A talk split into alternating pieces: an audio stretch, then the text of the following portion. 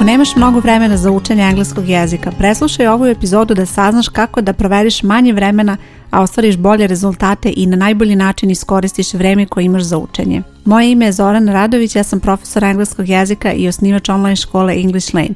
Ovo što slušaš je English Lane podcast gdje pričamo o korisnim savjetima i lekcijama za učenje engleskog jezika.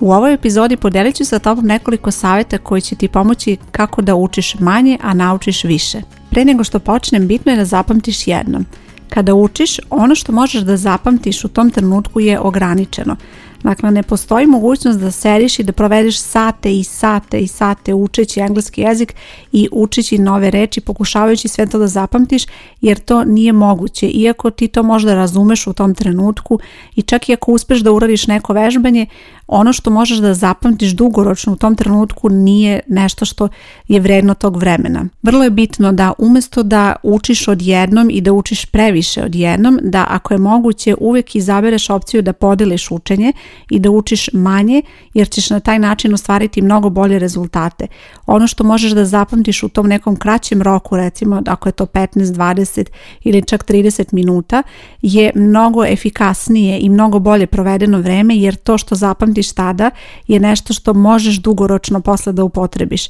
Međutim, ako nastaviš da učiš i posle tih pola sata i ako učiš sat vremena i dva sata i tri sata, čak i ako imaš vremena i volje za to, u nekom trenutku jednostavno se zamoriš i ne možeš više da pamtiš i ne možeš više da usvojiš novih informacija i onda dolaziš do toga da ne možeš na pravi način da iskoristiš to vreme jer jednostavno nije moguće da zapamtiš toliko novih informacija u tom nekom periodu. Savjet koji ću ti dati u ovoj situaciji je da ako kreneš sa učenjem i planiraš da učiš recimo dva sata, prvih pola sata provedi učeći nove reči, odnosno nove informacije, neku novu lekciju iz gramatike, nešto što je nova informacija za tebe i onda ostatak vremena treba da provedeš tako što ćeš da vežbaš to što si naučila tada u tom trenutku Također je dobro da to vreme iskoristiš, da se vratiš, da obnoviš i nešto što si već učila, a po mogućstvu i da uradiš neku praktičnu aktivnost koja će ti omogućiti da primjeniš sve ono što si učila do tada, plus ono što si naučila sada u prvih pola sata. Recimo možeš uraditi neki praktičan zadatak gdje treba da odgovoriš na neku temu, da napišeš nešto na engleskom, da odgovoriš na pitanja i na taj način ćeš koristiti sve ono što si naučila do tada plus pitanja koja će biti vezana za ono što si naučila na početku u prvih pola sata. Kada učiš engleski jezik, jedan deo vremena ćeš provesti učeći lekcije, odnosno nove informacije kroz te lekcije, bez obzira da li je to gramatika ili nove reči ili neki izrazi,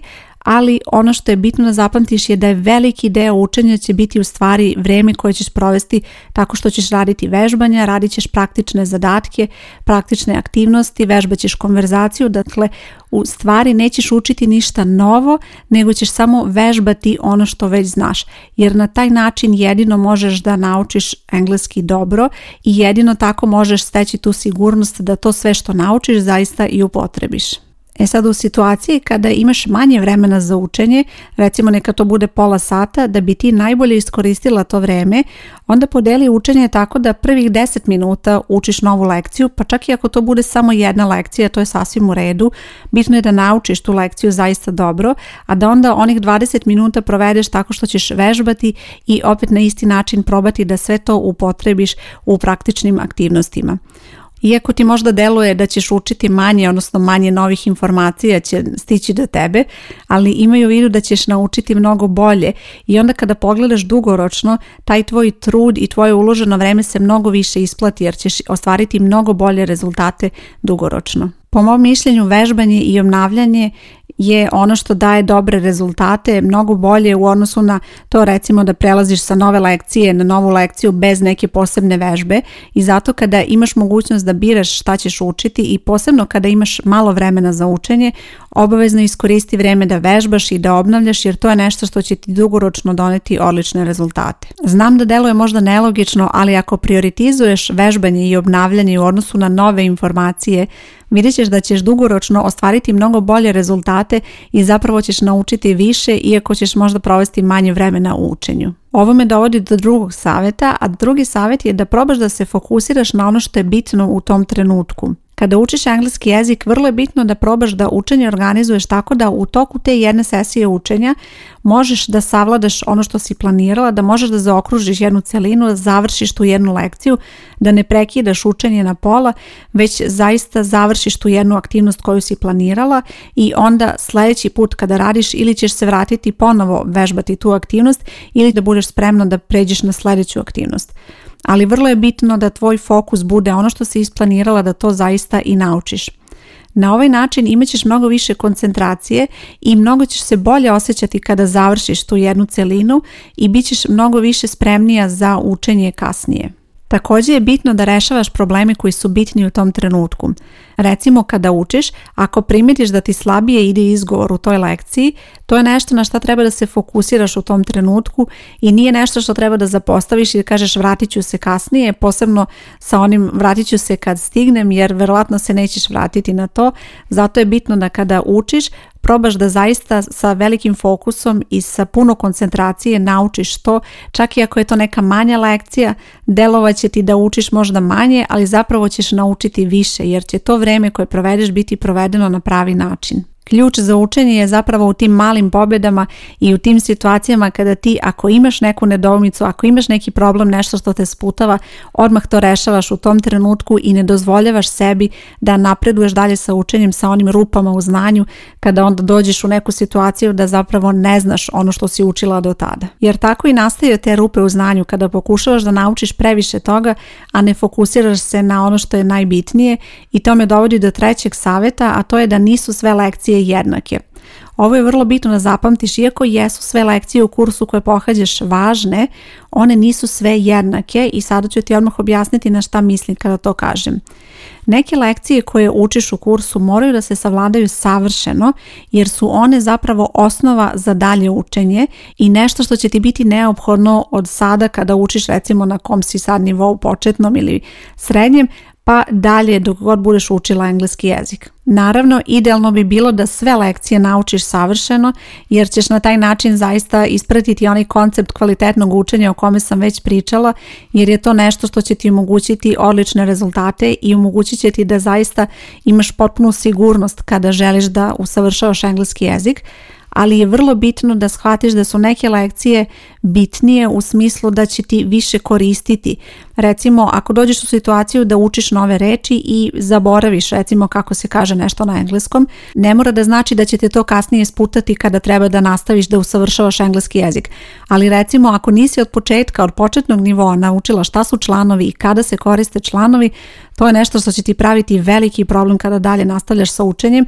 i tako opet nastaju one rupe u znanju ako preskočiš neke lekcije koje su posebno važne i onda dalje kada treba da učiš treba da se osloniš na to znanje, a ti nisi to savršeno savladala i onda tu nastaju problemi koje je vrlo teško ispraviti tada u tom trenutku i zato je mnogo bolje da od samog početka kada kreneš da učiš engleski jezik usvojiš sve ovo i razmišljaš o tome da učiš na kvalitetan način. Jer vidi ovu situaciju, kada pohađaš neki kurs ili recimo učiš po nekoj knjizi, nikada nije bitno koliko si ti stigla da uradiš toga i da li juriš neki rok, već je bitno koliko dobro si savladala to što si naučila, da zaista možeš sebi da kažeš da si to naučila, jer je to onda najbolji put i najbolji način da kažeš da si ti na pravi način iskoristila svoje vrijeme. Ako tek počinješ sa učenjem engleskog jezika, zapamti da jesu sve lekcije važne, ali nisu sve jednake i vrlo je bitno da se fokusiraš na prave stvari koje će ti možda biti i veći izazov, ali će biti potrebno da ih savršeno naučiš kao što je recimo glagol to be, kao što je recimo kako se koristi član u engleskom ili recimo razlika između brojvih i nebrojevih imenica, zatim razlika između sadašnjeg vremena present simple, present continuous, to su sve stvari koje se nauče na početnom nivou i ako ih ne naučiš savršeno i ako ih naučiš dovoljno dobro sa razumevanjem, nećeš moći dalje da napreduješ kada je u pitanju učenja engleskog jezika ali ako ih naučiš savršeno i budeš sigurno da sve to upotrebiš u konverzaciji, tvoj engleski će zvučati odlično, pričat ćeš tačne rečenice i bit će ti mnogo lakše da dalje usavršavaš engleski jezik i u nastavku ćeš mnogo manje vremena provesti u učenju jer ćeš imati tu dobru osnovu. A sljedeća stvar o kojoj želim da pričam je nešto što će ti također pomoći da učiš manje, a naučiš više, a to su uslovi za učenje. Uslovi za učenje su veoma bitni jer oni utiču na to koliko dobro ćeš ti posvetiti svoju pažnju u tom trenutku kada učiš. Kao što i sama znaš verovatno, nekada u nekim trenucima ne osjećaš dovoljno koncentraciju i možda čitaš neku stranicu, a uopšte nemaš utisak da si zapamtila šta si pročitala i u tom trenutku ti uzalo strošiš svoje vreme jer nećeš moći da zapamtiš bilo šta. I to nije samo vezano za čitanje, već za razne druge aktivnosti. Ako se ne fokusiraš i ako nemaš svu pažnju u tom trenutku, onda ne možeš da iskoristiš to tvoje vreme na najbolji način. Zato je bitno da kada učiš engleski jezik probaš da obezbediš sebi dobre uslove za učenje. To znači da ti je potreban mir i tišina, da nemaš distrakcija, isključi telefon, nemoj da gledaš u poruke, već jednostavno fokusiraj se da učiš i da tih 15, 20, 30, 40 minuta koliko god si sebi odredila da zaista budeš fokusirana na učenje i na najbolji način iskoristiš to vreme. Ta sredina i ono što se dešava oko tebe je ono što mnogo utiče na tvoje rezultate i koliko toga ćeš moći da ostvariš u tom trenutku. Također je bitno da pripremiš ono iz čega ćeš učiti tako da znaš iz čega učiš i šta učiš, koji su tvoji zadaci za taj dan. Nemoj čekati trenutak kada si odredila za učenje da tada pripremaš iz čega ćeš učiti, da tada tražiš neka vežbanja i tako dalje, već je potrebno da imaš sve pripremljeno i organizovano da bi mogla odmah da se fokusiraš na učenje. Ukoliko pohađaš neki kurs ili neki organizovani program, ti ćeš imati tačno šta treba da učiš kojim redom, tako da ti to neće predstavljati problem, ali ukoliko učiš engleski samostalno, potrebno je da sama napraviš taj program i plan i pripremiš sve iz čega ćeš učiti. Moj savjet je da to uradiš bar dan ranije ili recimo ako praviš sada plan šta ćeš učiti, da napraviš plan za ceo mesec i da na taj način bolje organizuješ svoje vreme Sada ću se još jednom vratiti na nedoumice i probleme koje mogu nastati kada učiš engleski jezik, jer želim još sa tobom da podelim jedan savjet koji je vrlo bitan, a to je da ne smeš da se ustručavaš da potražiš pomoć. Vrlo je bitno da rešiš sva pitanja i sve nedoumice na efikasan način i da dobiješ proverene informacije tako da znaš da ako imaš neko pitanje, da znaš da li to recimo može da se kaže i na ovaj način ili na ovaj način i koja je razlika, ako postoji razlika, jer je ovo nešto što će ti pružiti pružiti pre svega odličnu osnovu za učenje,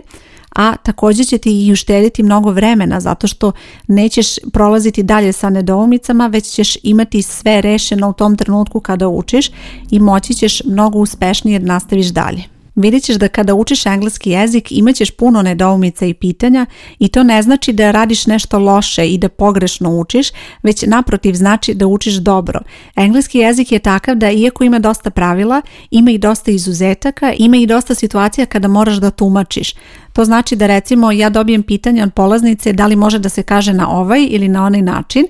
a moj odgovor je može i jedno i drugo, ali zavisi od situacije. U ovoj situaciji ćeš reći to, u ovoj situaciji to to je vrlo bitno da zapamtiš da je kod engleskog jezika takvo i da jednostavno to je nešto što moraš da prihvatiš, iako to možda bude zbunjujuće u početku kada si na početnom nivou, možda te zbuni kako to mogu sad i ovako, mogu i onako da kažem,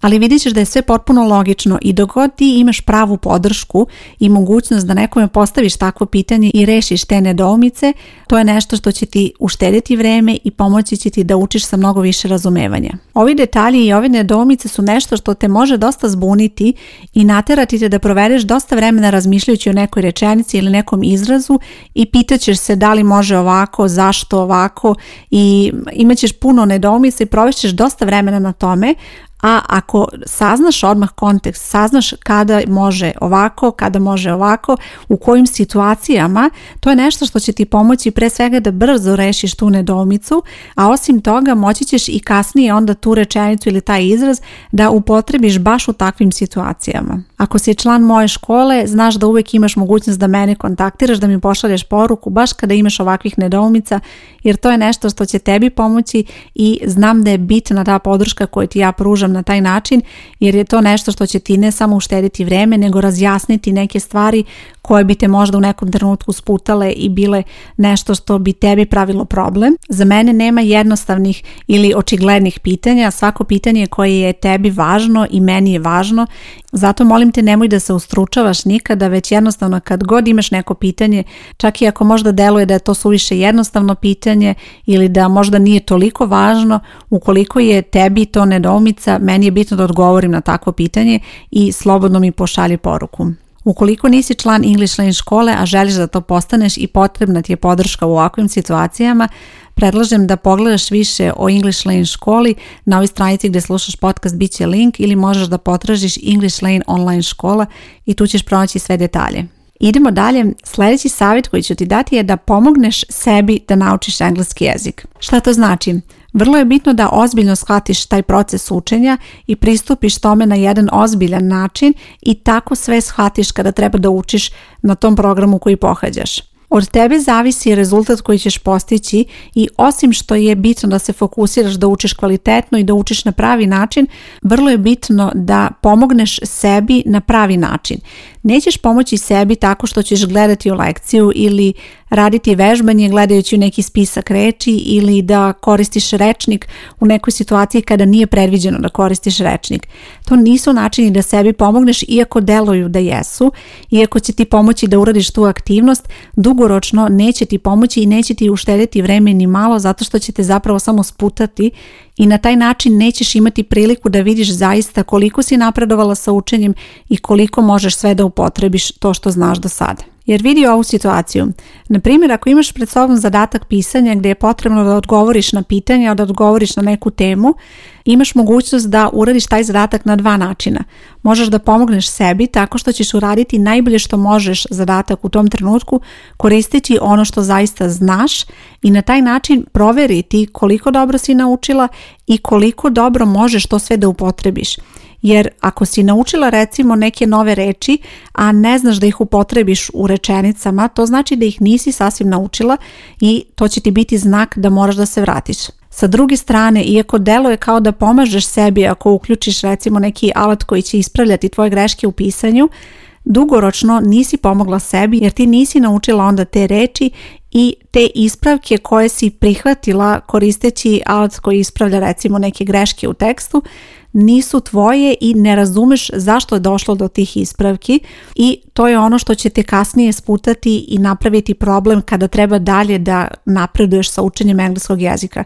Jer zapamti koji god program da pohađaš, od tebe se očekuje da postepeno budeš sve bolja i bolja u engleskom. Jer program je takav, dakle ne možeš na početku programa da kažeš recimo jedno na engleskom, a da na kraju programa to ostane na istom. To nije moguće jer ako ti zaista dobro savladaš program, rečenice koje pišeš i koje izgovaraš moraju da budu složenije, moraju da budu sigurnije i to je nešto što je tebi pokazatelj koliko si uspešno ti prošla kroz taj program. Dešavalo mi se par puta da mi polaznice u mojoj školi kažu da su poslale zadatak prevođenja i da su uradile taj zadatak koristeći Google Translate. Ne samo što znam da su to uradile jer to je nešto što se vidi. Kada napišeš rečenicu ti i kada koristiš tako neki alat, pojavljaju se greške koje možda nisu dovoljno očigledne nekome ko ne zna dovoljno dobro engleski, ali je to nešto što se odmah primeti da to nije nešto što bi osoba rekla. Pojavljaju se neke nelogičnosti i što je još veći problem,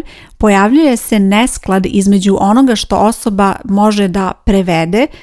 i onoga što može da napiše, odnosno kaže na engleskom. I tu se odmah vidi ako ti možeš da prevedeš neku komplikovanu rečenicu, a ne možeš da je napišeš, onda tu postoji neki problem. To očigledno nisi dobro savladala ili nešto tu nije u redu ili je naravno korišćen rečnik da se prevede takva rečenica. Bez obzira da li si polaznica moje škole ili pohađaš neki drugi program engleskog jezika, nemoj koristiti takve alate, nemoj koristiti takvu pomoć jer to nije nešto što će tebi zaista pomoći i možda će ti delovati u tom trenutku da si potrošila manje vremena jer si na brzinu uradila neki zadatak, ali dugoročno nisi uradila ništa jer to nije nešto što će ti pomoći, već naprotiv to je nešto što će te sputati i napraviti dalje problem kada treba da učiš engleski jezik i zapravo će te sprečiti da usavršavaš engleski jezik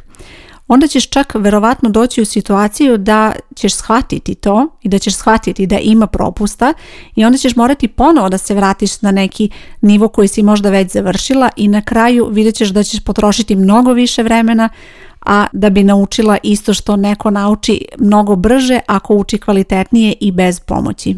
I posljednji savjet koji se nadovezuje odmah na ovo prethodno je da probaš da izađeš iz zone komfora. Odmah ću i objasniti na šta tačno mislim u ovoj situaciji. Kada učiš engleski jezik, neke stvari će biti jednostavnije i bit će ti lakše da ih uradiš. I ne mislim na tvoje znanje, već jednostavno neće ti biti problem da popuniš neko vežbanje, da opišeš neku reč, ali s druge strane aktivnosti kao što su zadatak čitanja, recimo gdje treba da pročitaš tekst ili recimo pisanje gdje ti treba da napišeš neku rečenicu, su zadaci koji zahtevaju od tebe više vremena, više fokusa, više koncentracije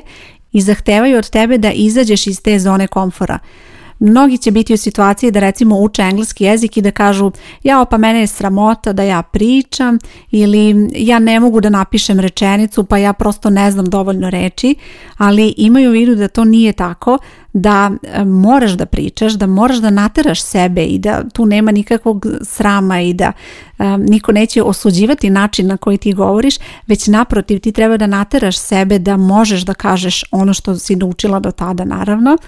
I isto je kada je u pitanju pisanje, ti kada naučiš neke reči, kada naučiš prve glagole, to je dovoljno već za prve rečenice koliko god one jednostavne bile. Normalno je da ti je lakše da uradiš neke aktivnosti, da ti je lakše da uradiš neko vežbanje, a da recimo kada treba samostalno da napišeš celu rečenicu, to zahtjeva mnogo više truda s tvoje strane i mnogo više kreativnosti, ali imaju u vidu da je to vreme koje uložiš u takve zadatke neophodno da bi ti uspešno napredovala sa učenjem, jer nećeš uspešno naučiti engleski jezik ako umeš da popuniš apsolutno sve testove na nekom kursu, jer to ne znači da si ti spremna za komunikaciju u tom trenutku, to znači da si dobra u rešavanju tih testova, ali ono što je pravi test za tebe je biti u situaciji da moraš da pričaš na engleskom i da zaista pokažeš sve ono što učiš. Imaju vidu da u onom trenutku kada izađeš iz zone komfora i kada radiš aktivnosti za koje je potrebno više truda i više energije da ih ostvariš,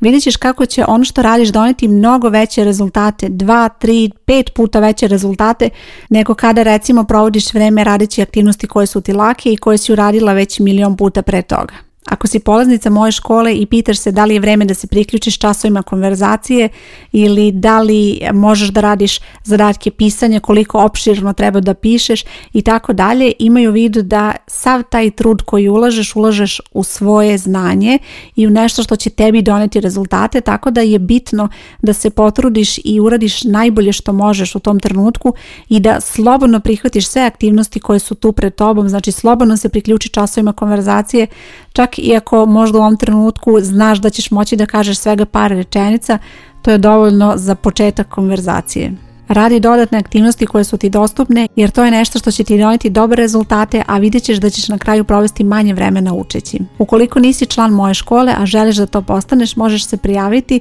Škola se zove English Lane, u pitanju je online škola, uči se preko interneta i možeš se prijaviti gdje god da živiš. Hvala ti što slušaš podcast, nadam se da su ti korisni savjeti. Moje ime je Zorana Radović i čujemo se uskoro. Ćao!